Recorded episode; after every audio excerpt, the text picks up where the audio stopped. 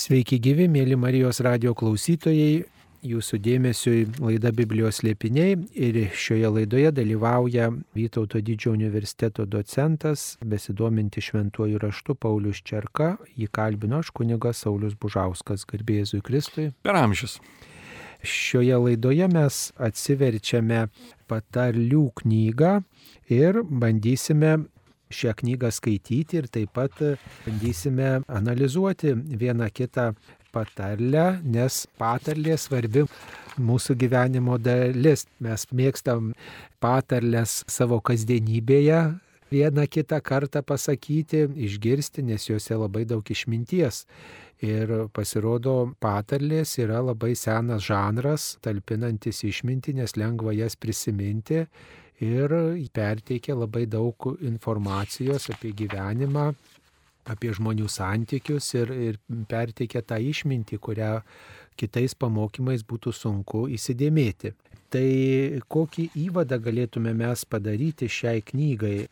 Sveiki, brangus radio klausytojai, kalbant apie šią knygą ir žanrą, na, pradžiai turbūt galima pakalbėti apie galimus autorius, nors knyga pirmose eilutėse pati save užvadina kaip Saliamono patarlės, vis tik e, knygoje mes sutinkame ir kitus šaltinius, knyga mums to nenuslepia. Mes sutinkame 22 skyriuje taip vadinamus išmintingųjų posakius, 30 posakių ir vėliau kitus išmintingųjų posakius.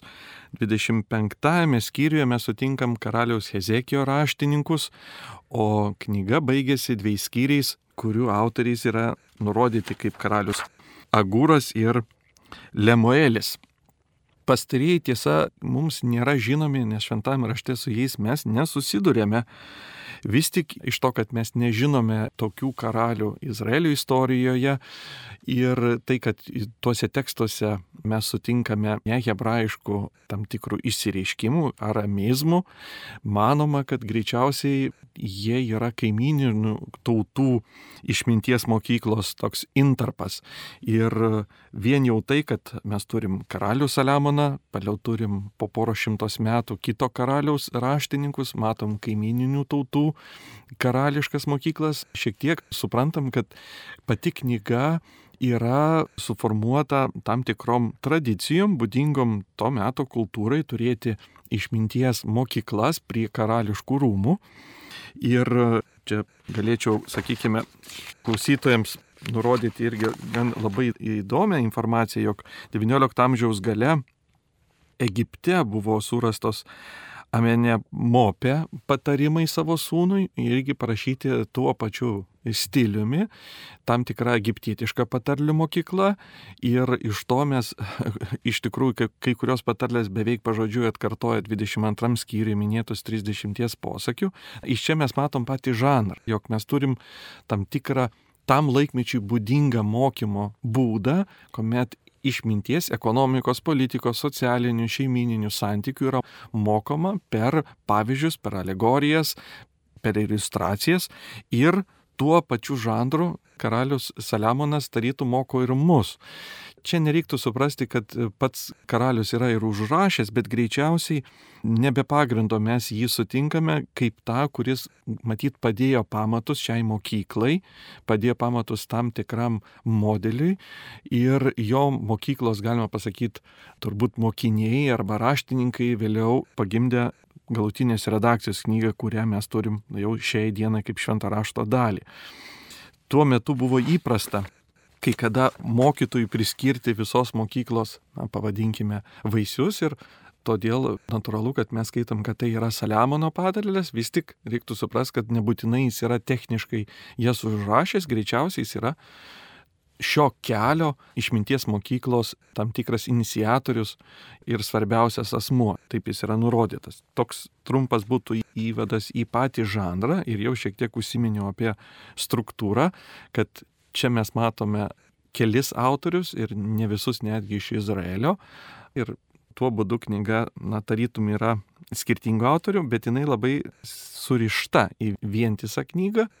Turime gan didelį įvadą, įžangą iš devinių skyrių, paskui prasideda tarytum dešimt skyrių, kurie tarytum yra patarlių rinkiniai ir gale mes turim tokį himną brangiai žmonai, pasakykime, arba tokiai nepakartojimai moteriai, kuri greičiausiai ir yra mūsų išminties tas įvaizdis. Tiek dėl pačios knygos struktūros labai labai glaustai. E, dar gal reikėtų staptelti ties autorystės šitų klausimų. Turbūt labai įprasta yra švento rašto knygų autorystėje, kad štai priskiriama vienam kažkokiam autoritetingam asmeniui visa knyga, nors prie tos redakcijos, prie daugelio eilučių yra prisidėję daugybė žmonių. Taip ir čia nėra tik tai vienas ar keli, o gal net keliolika ar keliasdešimt tų autorių, nes knyga buvo rašoma keli šimtai metų.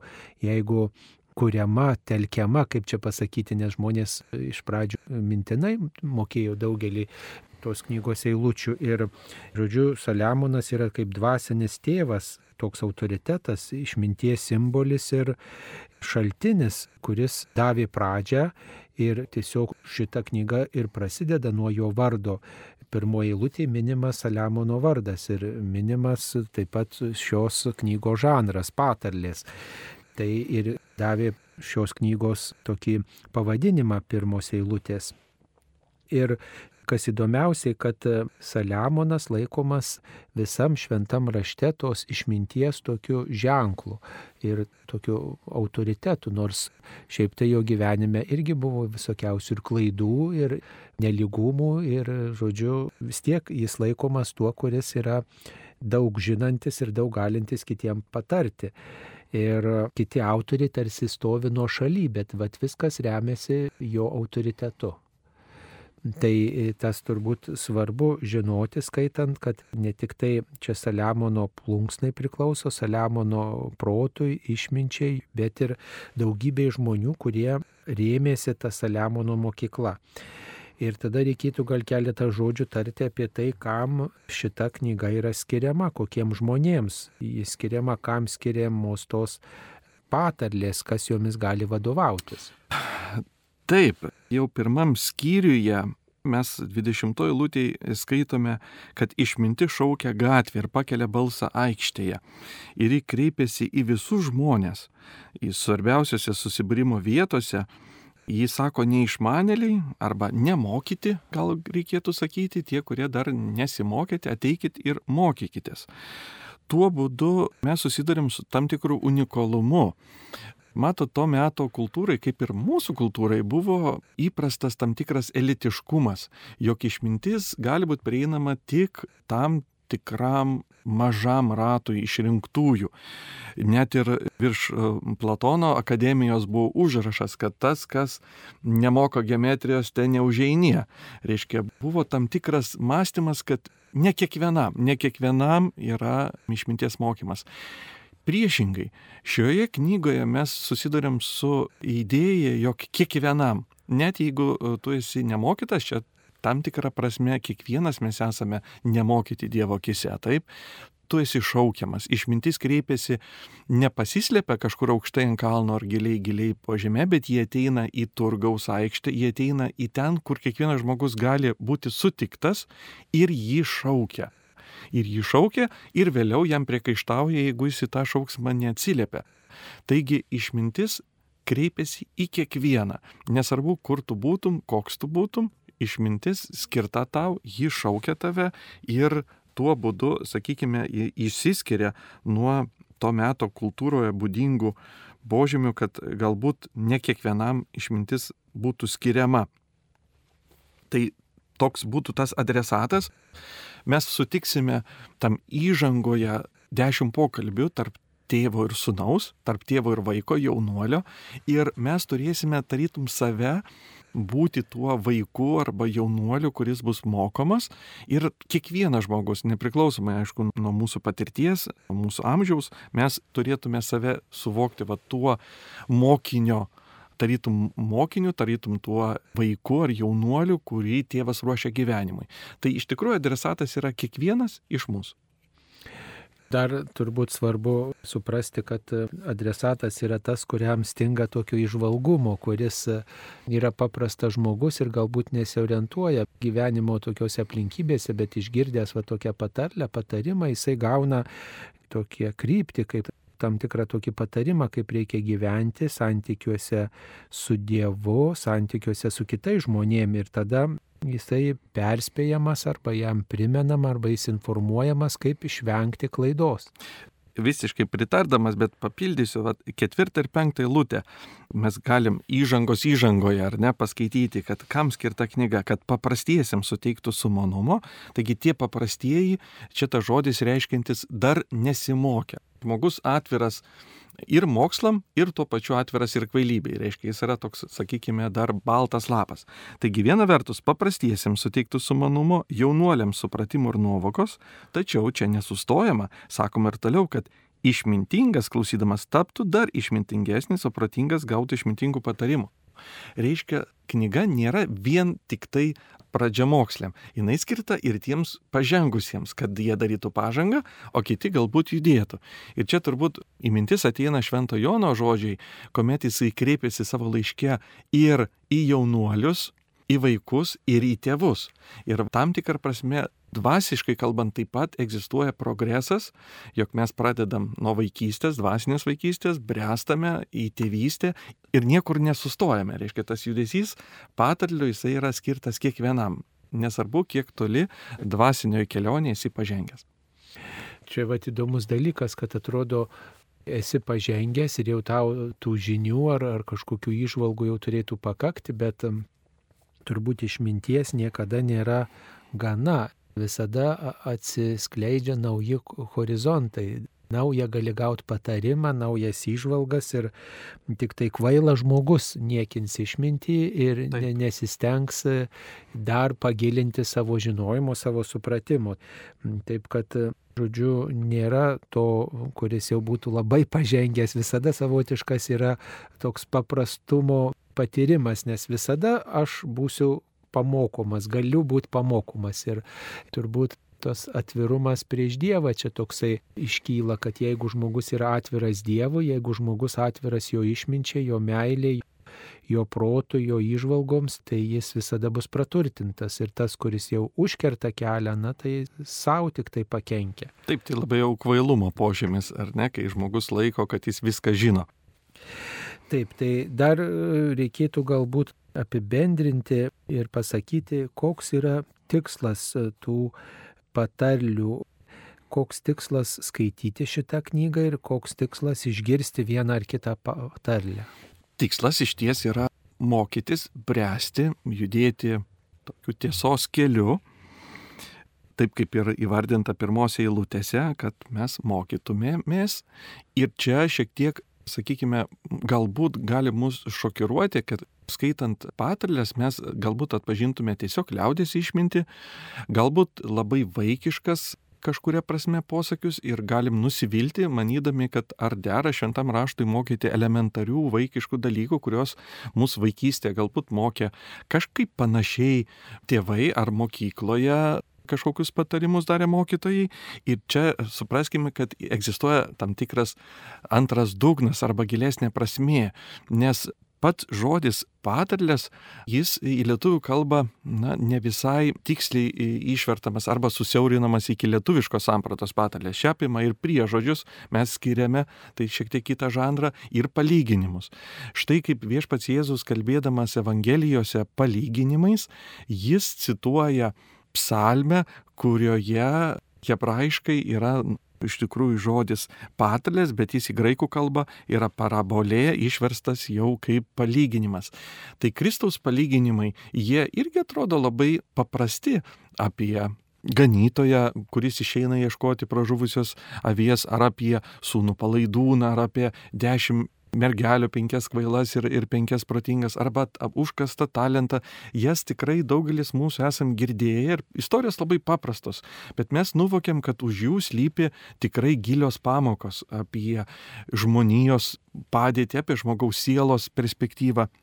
Lygiai ir čia Saliamono mokykloje jau ir buvo tas atrasta, kad tam tikri nematomi gyvenimo labai sudėtingi dalykai, dalykai, kurių mes negalim tiesiogiai tyrinėti, dalykai, kurie liečia Dievą, asmenį arba mūsų sielą, juos įmanoma tarytum aiškinti per mums suprantamus politikos, ekonomikos, socialinius ir kitus dalykus, žemiškus dalykus, kuriuos suprantame, kurie mums tarytum yra aiškus, bet per tuos aiškius mes galim pasimokyti apie tikrai sudėtingus Tai Saliamono knyga jį kaip tik tą turi antrąjį dugną. Jis ne šiaip liaudės išmintis susistemina, tarytum aukštaičių patarlę surenka į, į rinkmeną, bet padaro daug daugiau. Jis jomis, tai yra žemiško gyvenimo modeliais, mums pamoko apie dvasinio gyvenimo pamokas, kurias iš tikrųjų tiesiog labai sudėtinga būtų išmokti.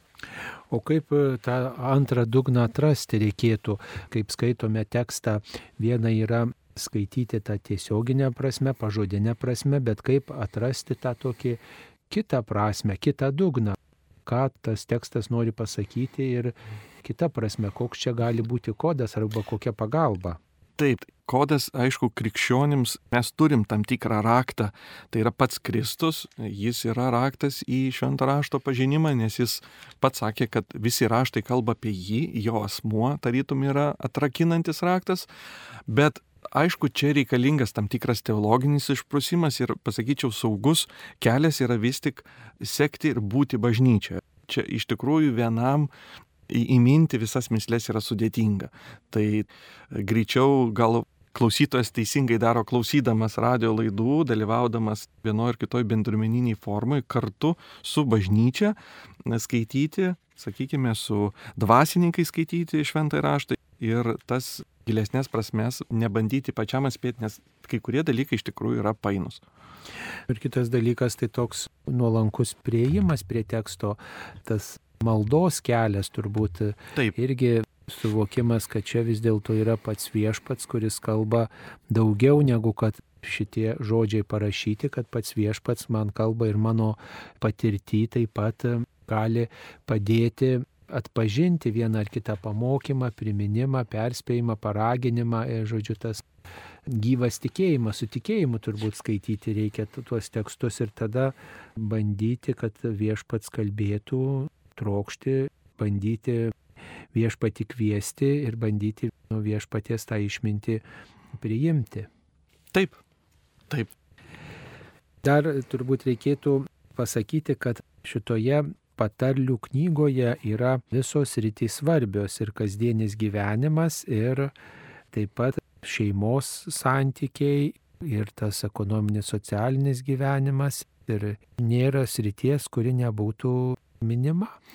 Taip, iš tikrųjų, aš kaip ir minėjau, kad Saliamonas mokydamas vieną vertus apie mums pažįstamas ir žemiškas rytis, jų pagalba mus moko tam tikrų dėsnių, kurie atsikartoja ir nematomoje srityje.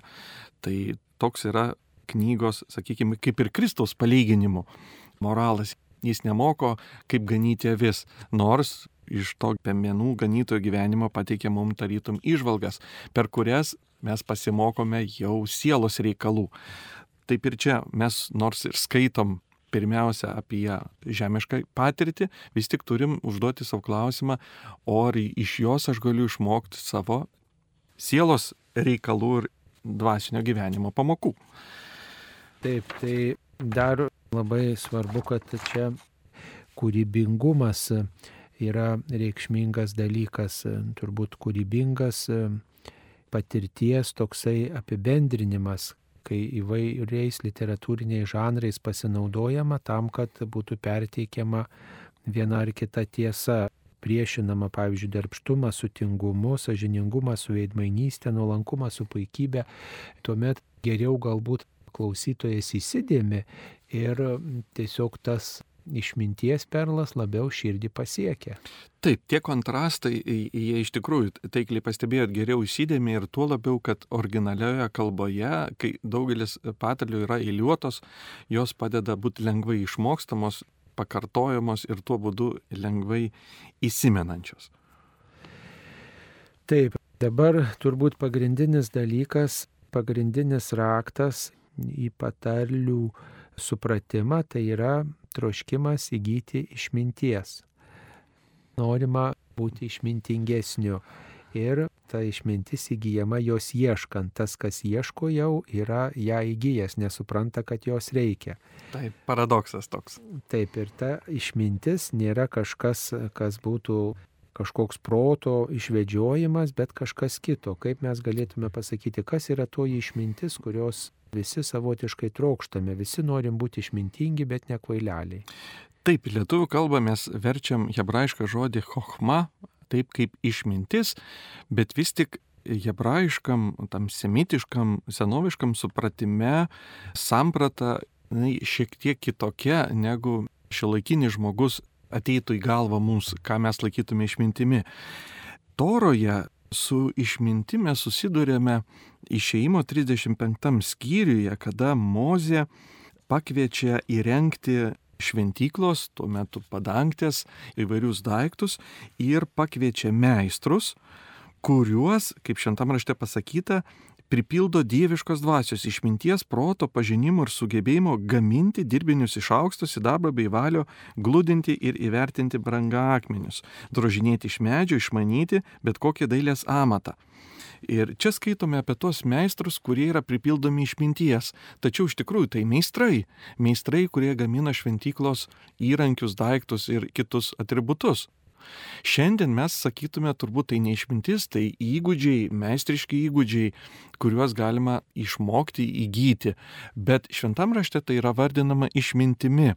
Taigi išmintimi daugiau yra suvokiamas kaip Dievo, kuris taip pat yra meistras ir menininkas, kuris pastatė savąją šventyklą šitai šį pasaulį, sukurdamas viską labai įnagingai, meniškai ir meistriškai, reiškia kažkokią savybę, kurį pats Dievas turi kurdamas pasaulį įdarydamas veikiančių ir sėkmingų. Ir ta pati išmintis, kurią mes matome kaip dieviškos meistrystės išmintimi jo kūryboje, ta pati išmintis gali būti mūsų mokėjimas gyventi toje kūryboje. Tai hokma yra labai tarytum praktiškas dalykas, bet jis praktiškas dvasinė prasme. Jei aš moku gyventi dvasinį gyvenimą, aš išmintingas. Taip kaip meistras, jeigu jis moka pagaminti gražų daiktą, paveikslą, jis turi kažkokius, na, sakykime, nuovoką, sugebėjimus. Tai ir aš, jeigu su savo gyvenimu kažką padarau gražaus ir meniško, teisingo ir gražaus, taip kaip Dievas padaro su pasauliu, tai tuo būdu, biblinė kalba tariant, bus išmintingas. Tai čia išmintis nėra tai, ką mes asocijuotume su tokiu svarstymu ar filosofavimu, bet daugiau su sėkmingu dvasiniu mokėjimu gyventi. Mokėjimu teisingai rinktis ir atkartoti tai, ką Dievas padarė kūrinyjoje, tai atkartoti ir mum pavestam savo gyvenime. O galbūt galima tai pasakyti, kad tikroji išmintis yra vis dėlto pritaikyti ir patarimą, ir tokią duotą žinę iš Dievo savo gyvenime, kitaip sakant, atsiliepti tą informaciją, kurią gavau, pritaikyti tai, ką aš patyriau, ką kiti pasakė, ką perskaičiau, ką sužinojau. Tai meistras iš tikrųjų tai ir daro, jisai sugeba savo žinias pritaikyti praktikoje ir pagaminti kažką gražaus. Tai taip mes sutinkam būtent išminties tarytum pirmajam pavartojime šitą prasme. Tai labai taikliai tikrai išreiškite, jeigu aš panaudoju, ką aš žinau, tai yra išmintis. Ir tuo kažką sėkmingo nuveikiu. Bet sėkmingo, tai čia tokiam dieviškai perspektyvai sėkmingo. Taip, nes tas išmintingas žmogus turbūt visoji šitoj patarlių knygoje yra ir apskritai visam šventam rašte išmintingas tas žmogus, kuris visų pirma renkasi Dievą. Tai čia turbūt prasideda išminties pradžia. Jeigu aš noriu tik tai savo proteliu pritaikyti viską, ką sužinojau, ką išgirdau, tai turbūt nebus sėkmingas kelias, nebūsiu išminčius, jeigu Dievą atmesiu. Taip, mes sutinkam patarlių knygoje ir kvailį kaip veikėją, ir išminčių, ir šiek tiek galim nustepti, kas tas kvailys. Aišku, tai ne intelektinė prasme silpna protis, bet gyvenimo perspektyvoje pasirinkęs kvailai, amžino gyvenimo perspektyvoje pasirinkęs kvailai. Psalmėse sako, kvailys tarė savo širdėje nėra Dievo. Tai tas kvailumas čia būtent pasireiškia per nesugebėjimą atpažinti Dievo planų ir Dievo tikslų. Ir atvirkščiai, išmintingas yra tas, kuris atpažįsta, ieško ir juda. Ir septintoji lūtė tokia yra visos knygos, pavadinkim, santrauka ir suma, kuriame sakom pagarbi viešpatės baime, tai pažinimo pradžia, bet kvailiai niekina išminti ir pamokymą. Ta savoka pradžia mus šiek tiek nukelia į pirmas švento rašto eilutės, pradžioje Dievas sukūrė dangų ir žemę, bet štai čia pradžia, ji perteikiama kaip kas yra esmingiausia. Hebrajiškas žodis rešit ir, ir graikiškas vertimas arche, jisai turi platesnę prasme, ne tik lietuviškai pradžią mes suprantame kaip kažkas, nuo ko viskas prasideda. Na, pirmie dalykai, tai daugiau vertybinė pradžia, tai kas svarbiausia. Ir įmoniai gali būti, pavyzdžiui, akcininkas būtų tokia atveju pradžia, jis svarbiausias asmo, jis vertingiausias vadovavimo grandinėje. Hebrajai sakydavo apie kaimenę, pirmoji vada buvo ta pradžia, reiškia patys, patys geriausi tie, kas gimsta kaimenė ir sudaro geriausią jos dalį. Tai šiuo atveju graikišką galima išversti, kad čia ne tik yra pradžia, bet ir suma arba svarbiausia, pats svarbiausias dalykas, kad Dievo baimė yra pažinimo santrauka arba svarbiausia pažinimo kelyje. Taip kaip jūs ir sakėte, išmintingas žmogus išmoksta pagrindinę pamoką, kad Dievo baimė yra ir nuo jo mes pradedam ir ją ir užbaigiam. Ji yra santrauka, pavadinkime, visos šitos knygos, ką mes ir mokomės, norime ir išmokti. Šių laikų žmogus turbūt nepritartų tokiai eilutei, tokiai minčiai, kad viešpaties baimė yra žinojimo pradžia, arba jeigu, kaip sakant, išverstume į tokią suprantamesnę kalbą, kitais žodžiais pasakytume, viešpaties baimė yra visako esmė. Tai kad kaip galime būti bijoti ir įgyti tos išminties baimė, tai jinai viską pasėmė, viską nušluoja. Kaip čia šių laikų žmogui paaiškinti, kad vis tiek Dievo bijoti verta, su baime, su pagarba prie jo artintis verta ir tai yra išminties pagrindas. Taip, čia iš tikrųjų mūsų kultūroje baimė turi tik neigiamas na, konotacijas, žodis dažniausiai na, mes kaip terorą įsivaizduojam, kaip gazdinimą. Čia greičiau yra baimė, kai tu pripažįsti kažką esantį aukštesnį. Tai pirmiausia, mes sakytume, tai yra pagarbus elgesys, bet pagarba, vėl visokių pagarbų būta. Tai čia tokia pagarba prieš stipriai aukštesnį, nuo kurio tu priklausai. Ir jeigu aš suvokiu, kad yra asmuo, nuo ko aš priklausau, vis tik mano reakcija negali būti lengvabūdiška. Jeigu tai yra kažkas, kas sprendžia mano gyvenimo pavadinkime, reikalus ar likimą, tai vis tik aš pasitempęs būsiu prieš tą asmenį, nes nuo jo sprendimų priklausysiu. Tai įsireiškimas viešpatės baime reiškia tai, kad pripažįstu esant aukštesnė būti, aukštesnė asmenį, nuo kurio sprendimo aš priklausysiu. Tai toks suvokimas, kad aš nesu savo gyvenimo centras, egzistuoja aukštesnis už mane. Ir iš to kyla mano sveika reakcija į tą aukštesnį. Aš turiu su juo skaitytis. Aš negaliu jį laikyti savo lygiu arba niekinti jo sprendimus. Tai čia toks turbūt dar yra toks ir nuostabos aspektas, kad Dievo akivaizdoje visada aš būsiu nustebintas, nes aš nesuprasiu iki galo, kodėl vienaip ar kitaip gyvenime vieni ar kiti reiškiniai vyksta, kodėl sutinku vienus ar kitus žmonės ir baimės tame aspekte ir yra tas nuostabos toks interpas, dalis tokia, kur tikrai Dievas pasiruošęs mane nustebinti visada. Taip, nuostaba gali būti gera prasme, kad mes nustembame labai pozityviai, tas tiesa, bet nuostaba gali būti mums ir šiek tiek skausmo prasme, jog mes nesitikime tam tikrų ir gyvenimo sunkumų. Tai iš ties čia svarbu pripažinti, kad nerasiu visų atsakymų į visus klausimus, liks neatsakyti klausimai, liks myslės, o kodėl įvyko, kaip įvyko. Dievas nepateiks man visko iki galo. Ir taip pat aš ir nesuprasiu visko. Taip susitaikymas su šita būsena, jis yra svarbus, jog liks neatsakytų klausimų. Bet to dar šitame baimės aspekte turbūt reikėtų visada prisiminti, kuris ir mums yra pažįstamas, kad nenoriu netekti. Tas nenoras netekti, nenoras prarasti. Bijau prarasti savo artimuosius, bijau prarasti tai, kas man gyvenime svarbiausia, prie ko prisirišęs esu. Turbūt baimės aspektas ir yra, bijau netekti viešpaties arba nuo jo nutolti bijau, bijau jį skaudinti, kuris yra tobulumo pilnatvės tokia versmė ir tas nenoras netekti irgi yra baimės dalis, kas mums turėtų būti turbūt suprantamiau. Taip, čia iš kitos pusės galima žiūrėti iš ties į baimę kaip į santykio pagristo sandorą ir ryšių, kuris be galo ir imtimus, ir tvirtas, ir brangus. Ir tokiu atveju iš to kylantis pagarbumas savo tam sandoriniam ryšiui ir asmeniai kuris iš ties mums turėtų būti brangiausias. Taip, taip labai taikliai jūs išreiškite. Tokiu atveju tai būtų jautrumas.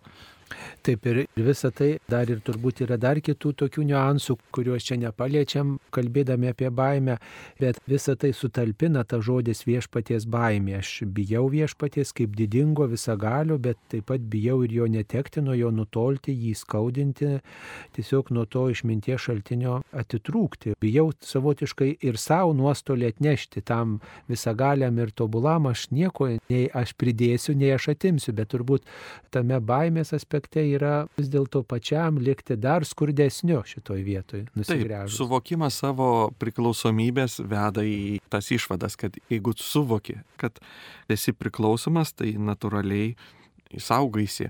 O kvailys patalės yra tas, kuris nesuvokia, išdidžiai reaguoja į savo tą nežinojimą, puikuojasi, niekina ir galų galia, aišku, toks, na sakykime, kaip ir žemiškoj perspektyvoj, perdėtas pasitikėjimas savo žiniomis gali labai labai skaudžiai atsiliepti, išsigimti, žmonės padaro finansiškai kvailus sprendimus, ekonomiškai kvailus sprendimus, vien pasitikėdami, kad vat, viskas bus gerai, nes aš taip jaučiuosi.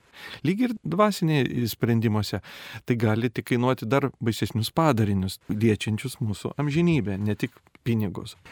Įdomus dalykas, kad ta išmintis, kurios žmonės siekia įgyti, kurios žmonės ieško ir kuriai žmonės atsiliepia, yra siejama su moterimi. Tai ar čia todėl, kad šventą raštą skaitydavo, perteikdavo, tas patarlės cituodavo vyrai šimtinai ir jie tikrai turėjo tokį ypatingą santykį su moterim, nes vyra traukia moteris, kaip traukia išmintis ir vyras siekia moters dėmesio ir siekia bendrystės. Ar čia yra kokia kita prasme, kodėl šitoj knygoje apskritai šitoje raštyjoje su moterimi išmintis siejama? Taip, iš tikrųjų tas klausimas kankina ir biblistus, kaip čia tas vaizdinys atsirado. Mes pirmuose va, devyniuose skyriuose sutiksime dvi moteris ir kvailystė bus moters vaizdinyje ir išmintis. Ir kadangi na, mūsų pagrindinis veikėjas yra besirošiantis jaunuolis palikti tėvo namus į gyvenimą ir turi gauti tas pagrindinės pamokas, vienos jų yra kaip tik jį apsaugoti nuo to susidraugavimo, imtimaus susidraugavimo su kvailystė, kuri jį laukia, sakykime, ir gundo, kita vertus jį pakreipiant, kad jis susidraugautų su būtent tą moterimi, kurią mes vadiname išmintim. Ir knyga patarlių baigėsi himnu himnų moteriai, kuri be galo yra darbšti, be galo veikli, be galo gera savo vyrui. Toks labai gražus himnas, kiekviena eilutė prasideda skirtinga becelės raide, bet jos idėja yra tokia, kad vyras gėda himną moteriai ir hebrajų tradicijai net per šabą yra šitas himnas dainuojamas šeimininkiai, vyrai nepamiršta tų eilių, tačiau idėja yra tokia, kad nesvarbu ar tu vyras ar moteris, vaizdinys yra toks, kad taip kaip moteris gali pakeisti vyro gyvenimą, žmona gali pakeisti jo gyvenimą ir iš tikrųjų jį galinti pasiekti nuostabių gyvenimo dalykų, mes kartais sakome, kad už kiekvieno sėkmingo vyro ar ne stovi tikrai išskirtinė moteris, lygiai taip pat ir išmintis, jeigu jinai ateina į mūsų gyvenimą, nesvarbu, mes vyras ar moteris esam vedę ar nevedę, tai bet jį tarytum ta žmona, ji padaro mūsų gyvenimą gražų, tokį sėkmingą, ir leidžia mums pasiekti puikių rezultatų. Tai tarytum tas vaizdinys labai tinka išminčiai, nes gražus yra santokinio gyvenimo toks iliustravimas, jog iš tikrųjų vyro sėkmiai turi įtakos santokinis gyvenimas ir žmonos palaikymas. Taip kaip kiekvieno mūsų sielai turi įtakos išminties palaikymas. Tai toks vaizdinys pasirinktas Ir kita vertus, tai, kad išmintis yra persi suasmeninta, jau yra Senam testamente nuoroda į tai, kad iš tikrųjų Dievo išmintis yra antrasis trybės asmuo, Kristus Jėzus tapęs žmogumi. Tik čia mes ją sutinkame asmeniu, moters vaizdinyje, bet asmens, kad mes ją matome kaip savarankišką asmenį, veikiančią, kalbančią, atskirtą nuo paties Dievo, bet dievišką. Tai vad jau šioj knygoje mes sutinkam tam tikrą paradoksą, kad dieviška išmintis yra asmuo, ne ta pati Dievo asmenį, bet kartu su juo pasižyminti tom pačiom savybėm. Reiškia, amžina ir dieviška, buvusi kartu su juo nuo pat pradžios. Tai čia toks kristologinis himnas yra ir, ir jau nuojauta į trybės paslapti galim įžengti. Ir taip ir taip, iš tikrųjų ir tą vaizdinį nagrinėjant, ir asmeniškumą išminties. Tai kita vertus, šventoji dvasia tą išmintį suteikia ir šventoji dvasia dovanų dalytoja ir viena iš dovanų yra būtent išmintis. Išminčių supranta, žino tvirtai, malda Dievui ir, ir kreipiasi į viešpatį ir kitiems patarė kreiptis ir kitiems tą kelią parodo tikėjimo kelią, Dievo artumo kelią. Šitos įvadinės laidos pabaigai galbūt reikėtų vieną kitą patarlę pacituoti, tam, kad mūsų klausytojai tikrai, kurie dar nėra atsivertę šitos knygos, kad jie būtų suintriguoti, kad galbūt viena kita patarlė įsmigtų į širdį. Taip, iš tikrųjų, galima, sakykime, pavyzdžiui, tinginystės klausimų, pacituosiu po ranką, vat, turiu 15 skiriaus 19 eilutė. Tinginio kelias apaugęs ir škiečiais, o darbštolio takas lygus vieškelis. 19 skyriuje mes skaitome, tinginys kiša ranką į dubinį, bet nepakels jo prie burnos. 20 skyriuje sėjas metu tinginys neria, pjūčia atėjus jis ieško, bet nieko neranda. 21 skyriuje tinginio alkis jį nužudo, nes jo rankos atsisako dirbti.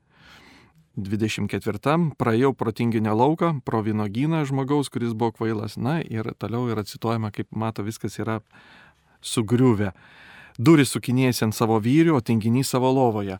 Labai panašių turim ir mes lietuviškoje tautosakoj, bet kaip minėjau, čia moko mus daugiau negu tik ekonomikos veiklumo, nes yra ir dvasinė tinginystė. Mes ir iš tikrųjų dvasiniam gyvenime, jeigu apsileisime, tai dvasinių vaisių neturėsime. Tai iš tikrųjų nors kalbam tarytum apie ekonominius rezultatus, bet mokomės daugiau negu tik ekonomikos. Bet štai jums patarlės tikrai viena ar kita forma yra girdėtus ir lietuviškai formai. Ir štai čia yra švento rašto iš tikrųjų patarlės. Mėly Marijos radio klausytojai, šioje laidoje mes aptarėme patarlių knygos pirmojo skyriaus nuo pirmosios iki septintosios eilutės, nuo pirmosios iki devintosios eilutės prasme aptarėme tai, ką autorius norėjo pasakyti, kaip mums tos prasmės atsiveria ir taip kaip iki mūsų bažnyčia bandė pateikti šitą knygą, bažnyčia bandė pristatyti šitas eilutes, kurios priskiriamos karaliui Saliamonui. Šioje laidoje kalbėjome su Vytauto didžiojo universiteto docentu Pauliu Mičerka iki susitikimų skaitant patalių knygą. Ačiū sudė. Ačiū sudė.